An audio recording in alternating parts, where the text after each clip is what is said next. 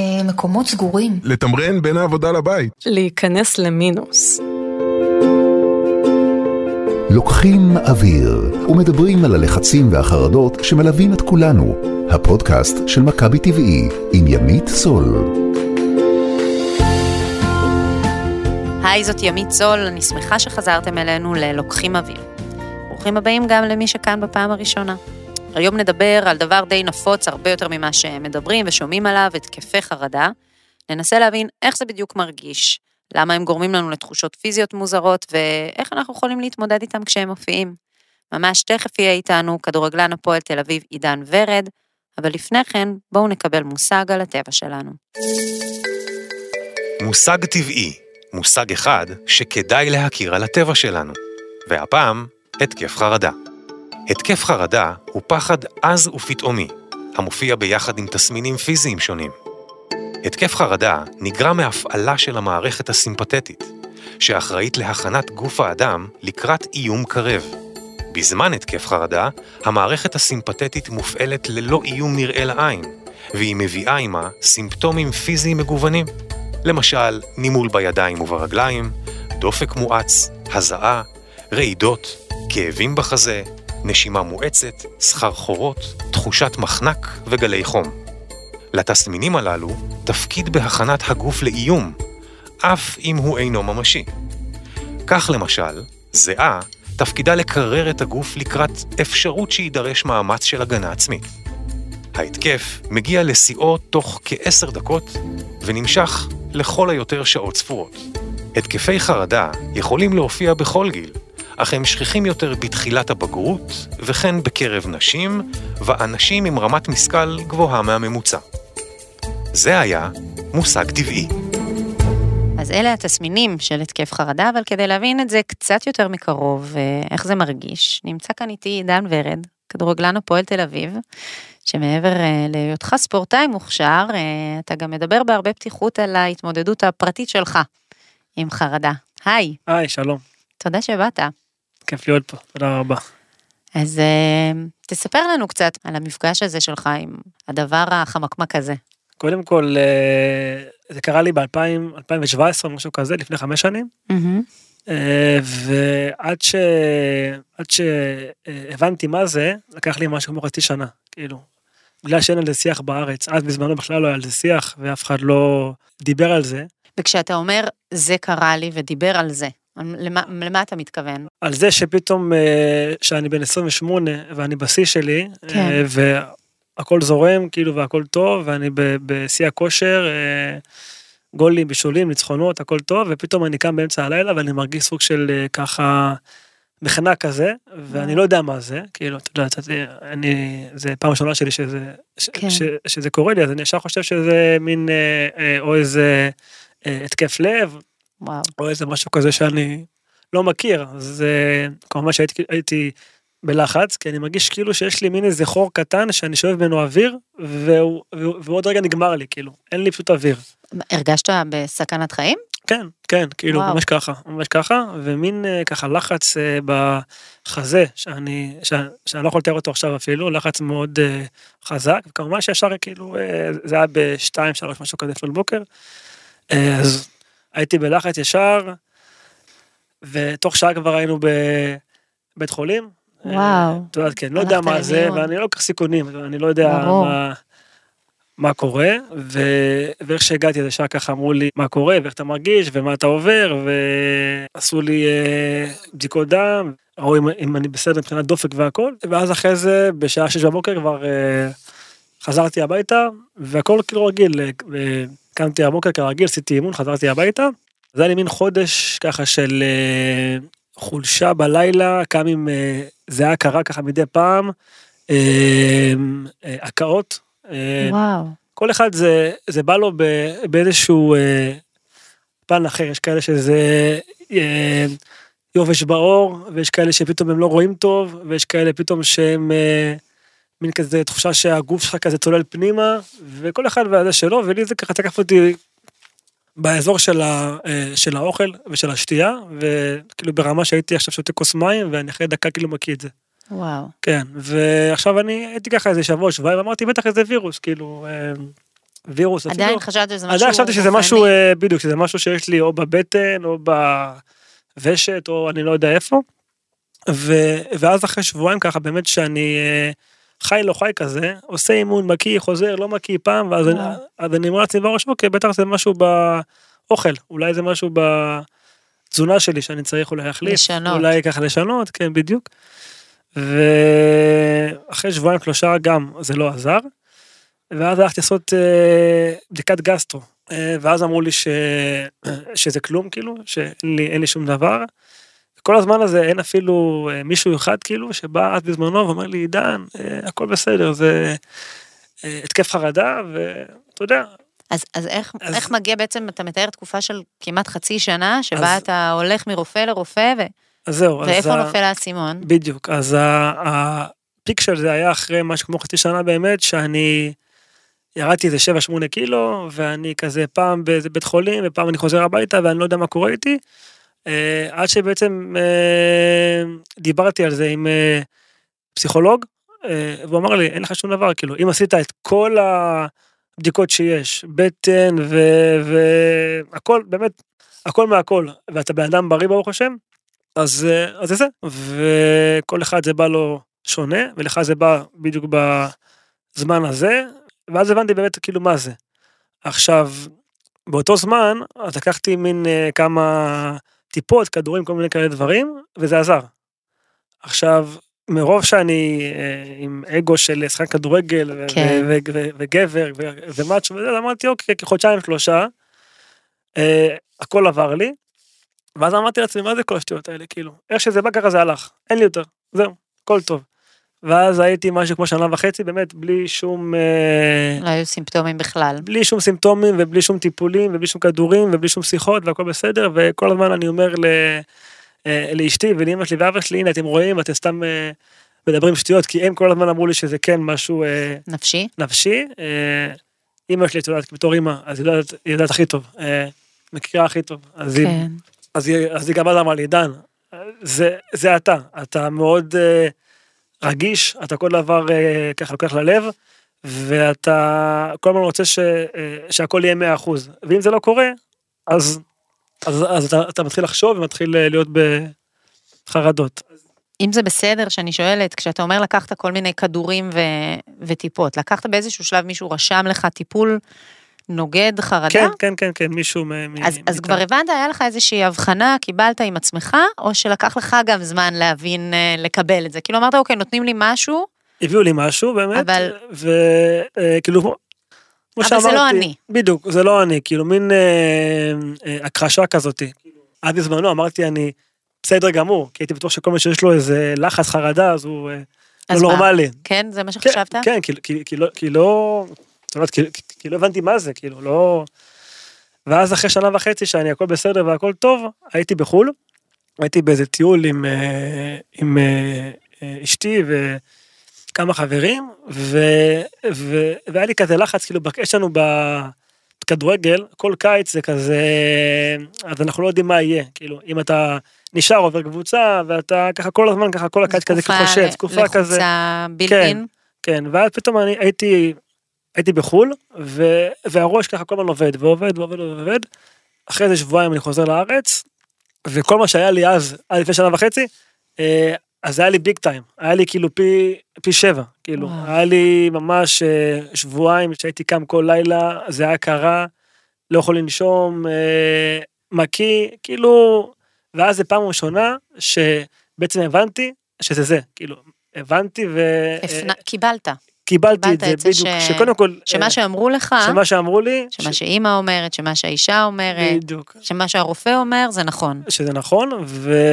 ושיש לי את זה, ושאני אה, חווה את זה, ואז ככה נכנסתי יותר אה, לעובי הקורה, לראות באמת אה, מה זה קודם כל, כי איך אתה כמו היום... שאמרתי אה, בהתחלה, בעצם התחלת אח- אחרי זה בעקבות זה איזשהו טיפול שליווה אותך, שמלווה אותך היום? קודם כל כן, יש לי מאז, אה, בוא נדבר משהו כמו שלוש שנים, אני הולך אה, פעם בשבוע למישהו פסיכולוג, שאני, כיף לי, אני הולך וככה יורה הכל, קריירה, משפחה, בית, דברים, הכל מהכל. ואיך היום בראייה לאחור אתה מבין את ההתקפי חרדה האלה? מה, מה, אני מה שזה- כמו שאימא אמרה, אני משהו, חושב שזה סוג של מבנה אישיות. משהו שהוא רגיש יותר. ל- מבנה אישיות של, אה, של אחד שכל הזמן אה, רוצה שהכל יהיה 100% והכל יהיה טוב. אה, בקריירה בעיקר, אני אוקיי, אתה עוסק בספורט תחרותי. בדיוק, אני עם זה, אני עכשיו בן אה, 32, אני בתחום הזה מגיל 8 ומגיל אה, 17-18 ב top, כאילו אם זה אומר מכבי חיפה, בית"ר ירושלים, נבחרת ישראל, הפועל תל אביב עכשיו, אז כל הזמן ב top, וזה כל הזמן שואבים לך לחץ כדי להיות בריא. אה, ו- ולתפקד. ולהיות טוב, ולהיות טוב. מוכן, וכל ה... כל הדברים האלה באמת ככה באו אליי אה, בבום, בבת אחת, וחשוב גם להגיד שזה בא לי בזמן שאני הכי טוב. אז כאילו, זה... זה לא כי פתאום בדיוק, נהיה איזה בדיוק. ירידה, אז אתה אומר זה. ביטוי. אז נראה לי שזה ככה, אה, ככה, משהו אחרי משהו אחרי משהו שבא, וככה עם הזמן, ואז אחרי זה באמת... אה, כאילו כל פעם היה- היית צריך לגייס עוד ועוד נדבך כוחות. על נדבך על נדבך, ואז זה, זה בסוף בא לי ככה בגיל 28, ומה שאחרי זה ראיתי באמת, אחרי שהבנתי באמת מה זה, ושיש לי את זה, אני נכנסתי ככה קצת אה, ככה לקרוא על זה. ואז ראיתי שזה בדרך כלל, כאילו, אה, לספורטאי עילית מגיע בגיל 25 עד גיל 30. ש- וואו. שזה הפיק, אתה בול באמצע. כן, בול, שזה הפיק. ואז קראתי על אה, מייקל פלפס, סימון ביילס עכשיו שבטוקיו עכשיו, מה שהיה איתה. נכון. באולימפיאדה שעשתה עד בלתי נתפס פשוט אה, אבל אה, את האמת שלי זה, זה לא זה לא זה לא בא אף פעם ב, ב, או במשחק או באימון נגיד אף פעם זה, זה לא בא לי ככה זה לי זה בא בעיקר אה, בלילה אבל מתי שהבנתי שהרגשת ממנה- שאתה יכול שזה יצא. כן בדיוק בדיוק ואז אמרו שגם היה בעבר את אה, מסי שהיה איזה חודשיים שלושה ככה מקיא. אה, וואו. כן ואני חושב שדווקא כאילו בעולם יש על זה הרבה שיח שיח בריא כאילו מכובד אתה, ובארץ פחות? בארץ פחות כן כאילו בארץ אה, יש על זה ככה קצת פחות יש לך עכשיו עוד מחשבות למה אנחנו פחות מדברים על קודם- הרגשות שלנו? קודם כל עם כל העידן הזה של ה- של המדיה ודימוי עצמי וכל הדברים האלה אז כל אחד ככה שכל אחד רוצה להראות שטוב כל אחד לו. רוצה להראות שבדיוק, ש, שטוב לו ו, אה, והכל מושלם. ו, וברגע ש, שכולם פה יבינו שהתקף חרדה, כמו שפעת, ש, שככה בא מדי פעם, או כמו איזה אה, אסתמה, או, או משהו כזה, שזה בסדר גמור שזה קורה, אז פה עשינו משהו. ובדיוק בגלל זה, אני משהו כמו שנתיים וחצי האחרונות, כן בא מדבר וכן, על זה הרבה. וכן אה, ככה נפתח עם זה, כדי שאני, אה, אני חושבת שאני שאתה אגע, עושה שירות אה, מעולה וחשוב מאוד, כן, זה משהו חשוב, וגם אני בהתחלה, את ה- את ה- את התופעות האלה שיש לכולנו. כן, כי גם אני בהתחלה, אז לא דיברתי על זה, ו, ו, ואחרי זה הבנתי שבעצם אם זה קרה לי, אז זה סוג של ככה שליחות, שאני יכול ככה לבוא ולהשפיע, לגעת באנשים, ובאמת כל פוסט שלי או כל אה, אה, שיחה זה פי שבע מ- מכל גול או מ... או, כן? כן, או מכל ניצחון, כאילו, אני חושבת על מה שאמרת גם על העידן של רשתות חברתיות, שבאמת יש איזה דימוי.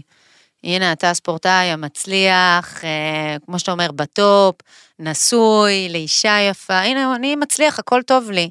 אבל דווקא אתה בא ואומר, רגע, תראו, יש לי, יש בי סדקים, ואני מקבל אותם, ובתמונה, התמונה הכוללת יכולה להיות מורכבת, ובואו בוא, בוא נדבר על זה. כן, ודווקא כשזה קורה לי, אז, אה, אז הרבה חבר'ה צעירים כן מרגישים בנוח שיהיה להם את זה, או... אתה, אתה אומר חבר'ה צעירים ובני נוער, ונכון שזה גם משהו בשפה שלנו, אבל אתה כן חושב שאתה מדבר גם יותר לבנים, לגברים? כאילו, אתה חושב שלגברים קשה יותר לקבל את הפגיעויות שלכם מלנשים? שאלה יפה. קודם כל, אני כמעט כל יום מקבל הודעות, גם וגם.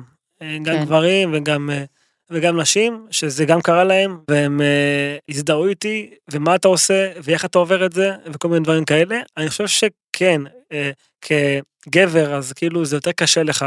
כי זה משהו הגבר שהוא... הישראלי, הגבר החייל, הישראלי, המאצ'ו. בדיוק, המאצ'ו, שבדיוק, ואם אתה עוסק בספורט אז כאילו בכלל, שזה כן, שזה כן כאילו יותר קשה. אה, אבל אני דווקא חושב שב... עכשיו בשנה האחרונה, אז כבר נהיה לזה שיח, כאילו, כבר אה, דיבר על זה קטש, אה, דיבר על זה, מהכדורסל. כן. מאור בוזגלו גם דיבר על זה, ו- ו- ועוד ועוד אנשים כבר אתה אה, מרגיש מדברים על שאנשים זה. עכשיו מרשים לעצמם אני- לדבר על זה יותר מפעם? כן.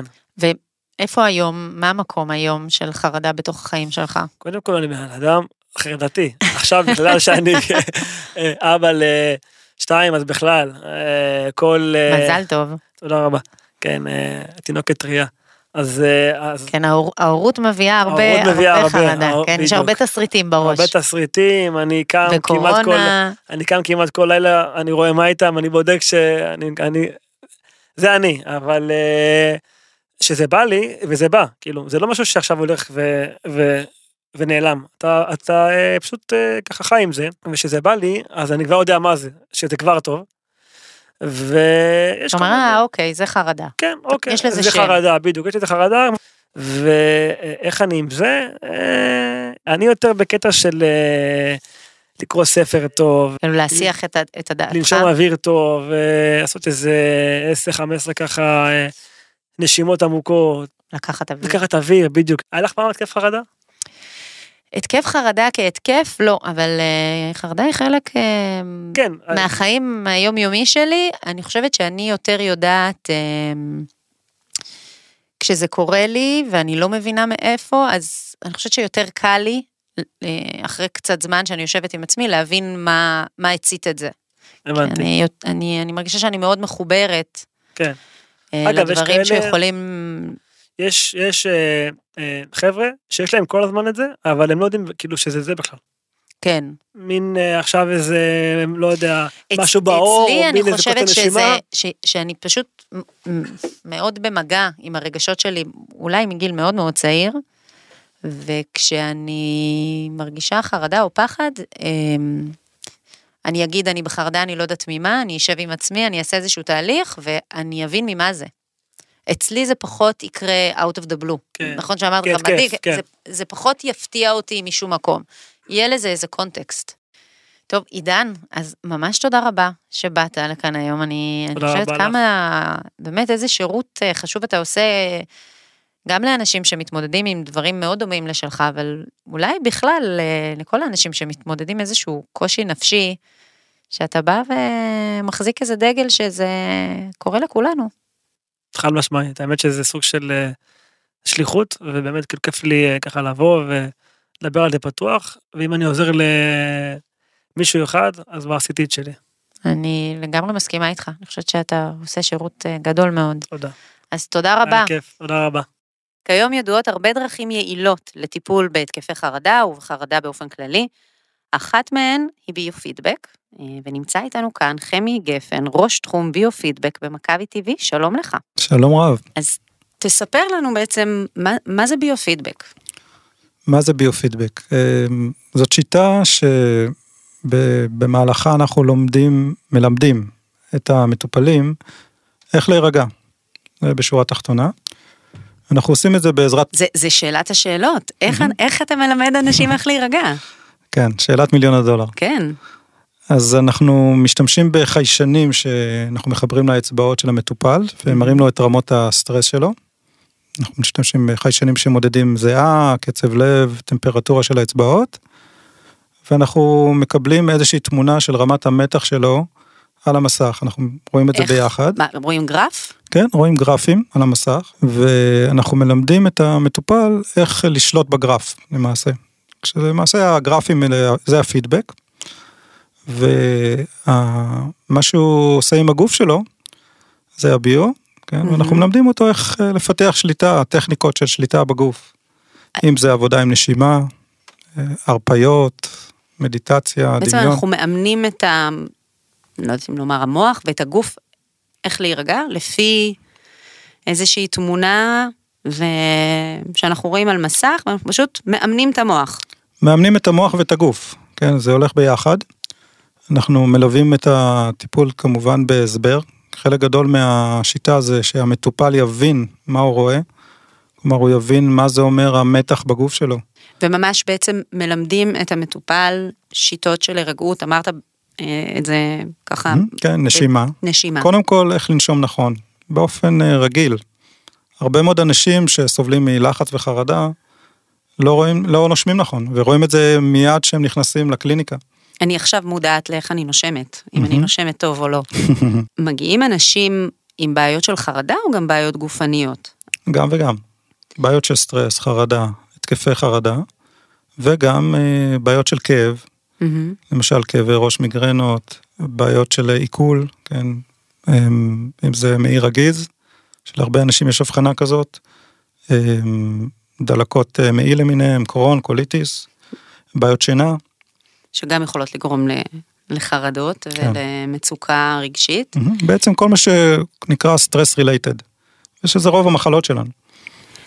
וכשמגיע אדם באמת עם התקף חרדה, מהמם. יצא לך לראות אה, בקליניקה, לטפל במישהו שהוא מחובר לחיישנים, וההתקף תוקף, מה שנקרא ב live, יש גם כאלה, כן.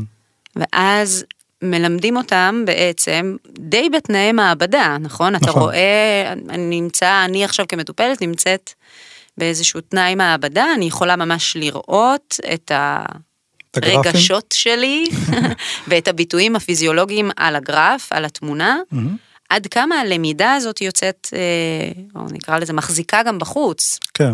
אז, כשאני אה, בשטח. כן, עם אז, עצמי. אה, קודם כל אנחנו כמובן לומדים אה, כשהבן אדם לא בהתקף. רצוי שהלימוד עצמו, אנחנו לא יכולים כל כך ללמוד בזמן התקף. מהמם. בזמן התקף פשוט אפשר לעשות משהו כדי לעזור לבן אדם להירגע. אבל ממש למידה לטווח ארוך קורית כשהבן אדם יחסית אה, במצב רגוע. אה, לפעמים אנחנו מכניסים כמה גירויים כדי להראות לו איך רמת המתח שלו עולה, כן? אבל מה בעיקרון, זאת אומרת מכניסים גירויים? מעניין. כן. איזה גירויים אפשר להכניס? אז למשל באבחון הראשוני אנחנו עושים מה שנקרא פרופיל פסיכופיזיולוגי.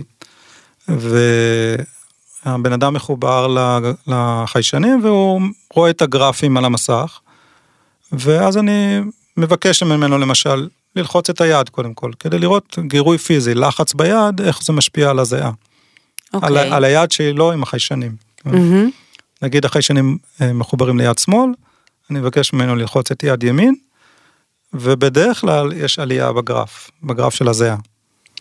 אוקיי? כי נכנס גירוי שהוא סוג של לחץ, אז זה גירוי פיזיולוגי, מהמם. אוקיי? או נגיעה במצח, או תזוזות למיניהם, ורואה איך הגירויים הפיזיולוגיים האלה משפיעים על רמת המתח בגוף שלו, כן? רמת הפעילות של מערכת העצבים הסימפתטית. מתחילים עם גירויים פיזיולוגיים, אבל נניח אם אני, יש לי חרדה מהמצב הכלכלי, או רבתי עם הבעל, או יש לי בחינה שמאוד מלחיצה אותי, כן. אז למשל... מראים לי תמונה של אה, בעלי כועס, או של המינוס בבנק? לא בשלב הראשון, כן. אה, לא, בש... אבל לא, באיזשהו לא. שלב אולי כן? אה, יכול להיות, יכול להיות, תלוי בהתפתחות של הטיפול וכמה המטופל רוצה, וכן, אנחנו הכל, אה, אה, אנחנו עושים בשיתוף פעולה ובהסכמה, הזכרת אה, חרדה ממבחן. כן.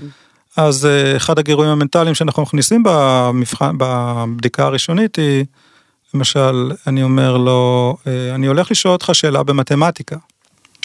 אוקיי? והרבה מאוד אנשים מגיבים מעצם, מעצם האזהרה הזו. מעצם ה... כן, מתפתח מתח ציפייה. אנשים מתחילים לצפות מיד לשאלה, למרות שאני לא שואל אותה בשלב ראשון. אז אנחנו רואים הרבה פעמים את הגרף מזנק, רק מעצם, הש... מעצם ההכרזה הזאת, אני הולך לשאול אותך, בדיוק. הגרף עולה. כן, גם אצל מהנדסים אנחנו רואים את זה. אז ככה שגם מומחים למתמטיקה, נלחצים, נדרכים. כן, ה- ואפילו הם יכולים לא להרגיש את זה, אבל היתרון של השיטה זה שרואים את, את התגובות על המסך, אז ככה שהבן אדם יכול להגיד, אבל אני לא מרגיש שהזיעה שלי עולה. כן. לא הרגשתי שום תגובה, אבל אנחנו רואים את זה עולה. אוקיי, זה, זה פותח פתח לשיחה על אה, אולי כן, איפה אפשר להרגיש את זה בגוף, כי בכל זאת אנחנו רואים תגובה. אז בעצם הבן אדם לומד, לפני אולי שהאדם לומד לשלוט, הוא לומד להכיר. בדיוק, זה חלק גדול מהעניין. אה, להבין קודם כל מה זה בכלל מתח בגוף, כי הרבה אנשים אומרים, אני בלחץ, אבל לא, לא כל כך מבינים מה זה אומר, והם פשוט מרגישים הרבה פעמים חו- חוסר שליטה. וככל שאנחנו אה, מסבירים, אה, והמטופל מבין יותר מה זה אומר הלחץ, מה זה תגובת לחץ, הוא מתחיל לחשוש פחות מלהיות בלחץ. אוקיי? לחץ נראה לו שזה... כי הוא מרגיש שהלחץ שלו יותר בשליטה? בדיוק. חלק מהשליטה הוא להבין את התגובה עצמה. כאילו, אני שואלת את עצמי אם זה טיפול שמתאים לאנשים שרוצים להיות בשליטה, או לאנשים שדווקא מפחדים להיות בשליטה, או... זה גם וגם, כן.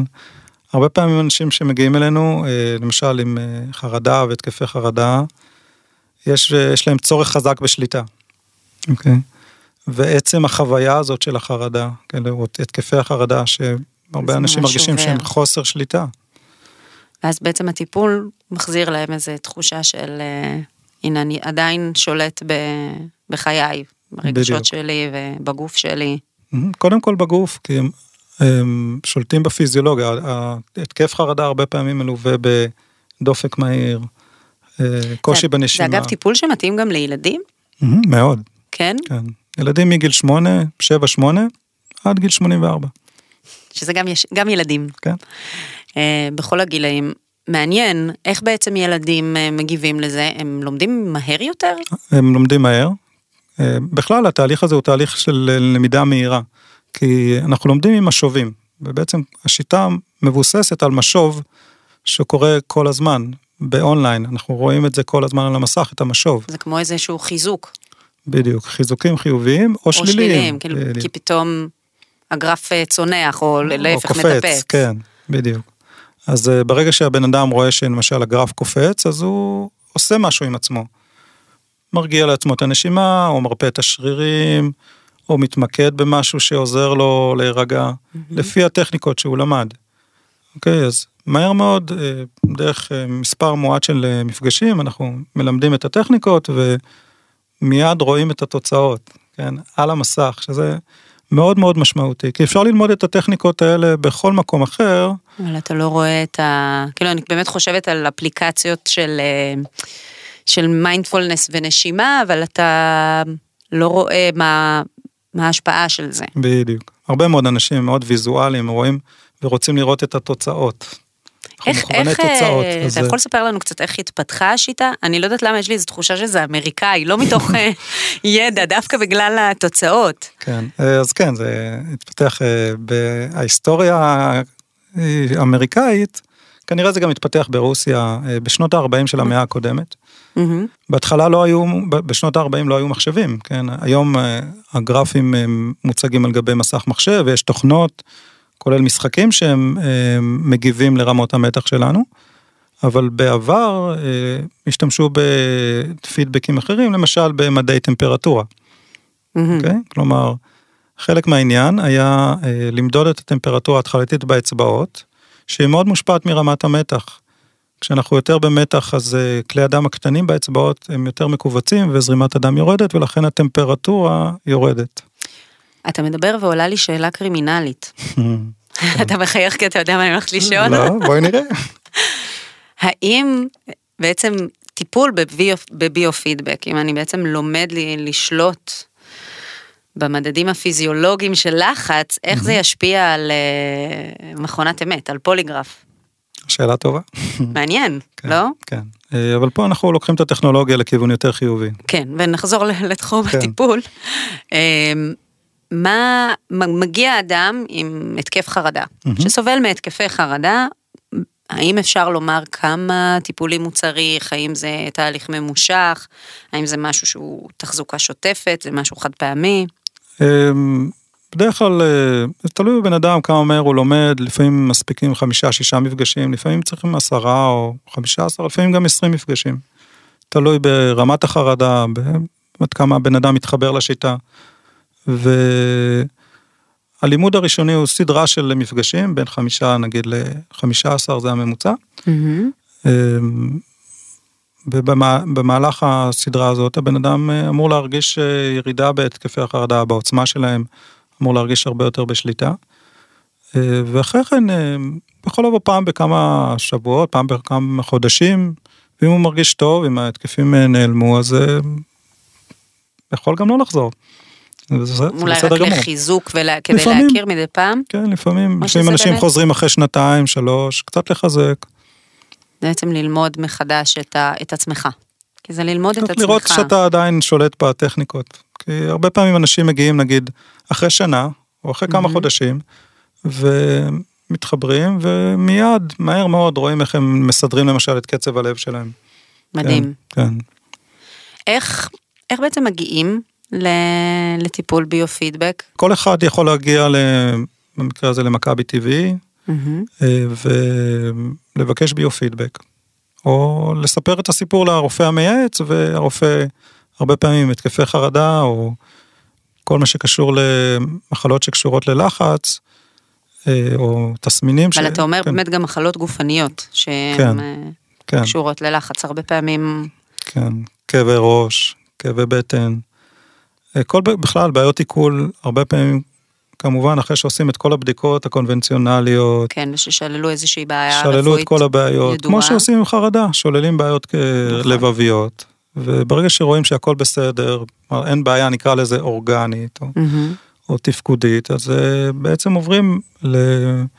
להנחה שזה קשור לסטרס. אוקיי? ובכל אה, מחלה, בכל כאב, בכל קושי שאנחנו נתקלים, יש סטרס. כלומר, אם כואב לנו, אפילו שהסטרס לא גרם כאב או לא גרם למחלה, ברגע שכואב לנו, אנחנו, אה, קשה לנו, זה יוצר סטרס.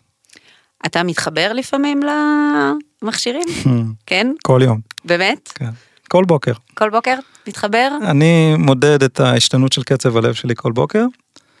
רואה מה רמת הסטרס שלי היום, כי אני משתמש בזה לצורך אה, להחליט אם אה, לצאת לריצה או לא. מעניין. כן, זה עוזר, יש מה זאת אומרת רמת הסטרס? אתה לא יודע אם אתה בסטרס או לא? אה, אתה הולך לרמה יותר עמוקה. כן, יש לי את ההרגשה שלי, אבל אה, דרך המדידה אני גם יכול לראות, נקרא לזה את רמות העומס שהגוף שלי נמצא בו. מעניין. כן, אז אה, לפי השינויים בקצב הלב, שזה בעצם נותן לנו אינדיקציה לרמת הפעילות הפרסימפטית, דוושת הבלם שדיברנו עליה. Mm-hmm. אה, אפשר לדעת מה רמת הסטרס של הבן אדם, והכי טוב למדוד את זה כשאנחנו קמים בבוקר, כשעוד לא התחלנו את היום ועוד לא, עוד אין השפעות של היום, אולי יש רק את ההשפעה של הלילה. אז אתה יוצא, שזה יכול להיות גם, אה, לילה יכול להיות גורם סטרס, כן. חלומות אני חושבת, או... חלומות או חוסר שינה, או, או גם מה שקרה ביום הקודם. כן. אז מתי אתה יוצא לרוץ? כשה... כש... כשהגוף רגוע? כשיש פחות עומס על הגוף, כן. כשהגוף יותר רגוע. כן, למעשה, אם כבר אנחנו הלכנו לכיוון הזה, אז אה, אנחנו יודעים שהכושר הגופני משתפר מאוד בזמן מנוחה. כלומר, אם אנחנו מאמצים את הגוף יותר מדי, אנחנו יכולים לפגוע בו, בזמן מנוחה הגוף בעצם מחזיר לעצמו את המשאבים ואת ה... הוא בונה את עצמו מחדש. אה, ולכן חשוב לתת מנוחה. אז אם אתה מאוד מאוד עצבני לא לצאת לריצה. לא, זה יכול להיות שכן, יכול להיות שכן. יכול להיות שכן. דווקא במקרים של אנשים מרגישים עצבניים, אני כן ממליץ לצאת לפחות להליכה. כן. כי זה מרגיע. כן, זה מרגיע. יש מצבים שבהם גם המערכת הסימפתטית וגם המערכת הפרסימפטטית, שתיהן בעוררות יתר או פעילות יתר, נקרא לזה יותר נכון?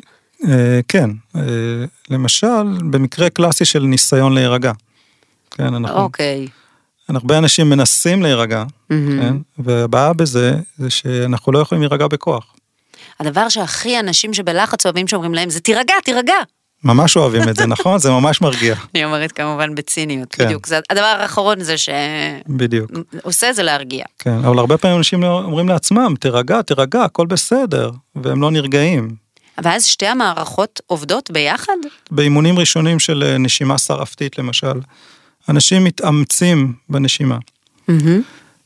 אז גם הקצב הלב מתאזן, אבל גם הזיעה עולה, כלומר גם המערכת... כי יש. מאמץ. בדיוק, גם המערכת הסימפתטית, אה, הפעילות שלה מתגברת, אבל גם המערכת הפרסימפתטית בכל זאת מצליחה כן להתאזן קצת, והשילוב הוא בעצם גם שמערכת, שהזיעה תרד, כלומר המערכת הסימפתטית תירגע, ותוך כדי החיזוק של המערכת הפרסימפתטית של, של אה, המערכת המרגיעה שלנו, דוושת הבלם. אוקיי? וברגע שאנחנו מסבים את תשומת הלב של המטופל, או שהוא רואה את זה בעצמו, איך הגרף עולה בזמן שהוא נושם, אז הוא כבר מרפה, ואז הנשימה הופכת להיות הרבה יותר רגועה, ואז נוצרת רגיעה. כן? נשמע תחום מרתק. חמי, אני מאוד מודה לך. תודה לך, תודה שהזמנתם אותי. תודה, ותודה גם לכם שהאזנתם, ותודה לאורחים המעניינים שהתארחו בפרק הזה של לוקחים אוויר. היום נגענו מקרוב בהתקף חרדה, הבנו איך המנגנון הזה עובד ואיך אפשר לעזור למי שעובר את זה. בפרק הבא נדבר על מה שמטריד אותנו כישראלים, ואזרחי איזו מדינה נחשבים הכי מאושרים. את הפודקאסט לוקחים אוויר אתם יכולים למצוא בפלטפורמה שאתם מאזינים בה עכשיו, ספוטיפיי, גוגל פודקאסט, אפל פודקאסט ובכל פלטפורמות הפודקאסטים המובילות. כדי לקבל התראה על הפרקים הבאים, לחצו מעקב, ואם למדתם משהו חדש, שתפו חבר או חברה. הפרק הבא יעלה שבוע הבא. נשתמע. כל התכנים בשירות זה אינם מהווים חלופה להתייעצות עם גורם רפואי מוסמך, ובכל מקרה או בעיה פרטניים יש לפנות לגורם מטפל.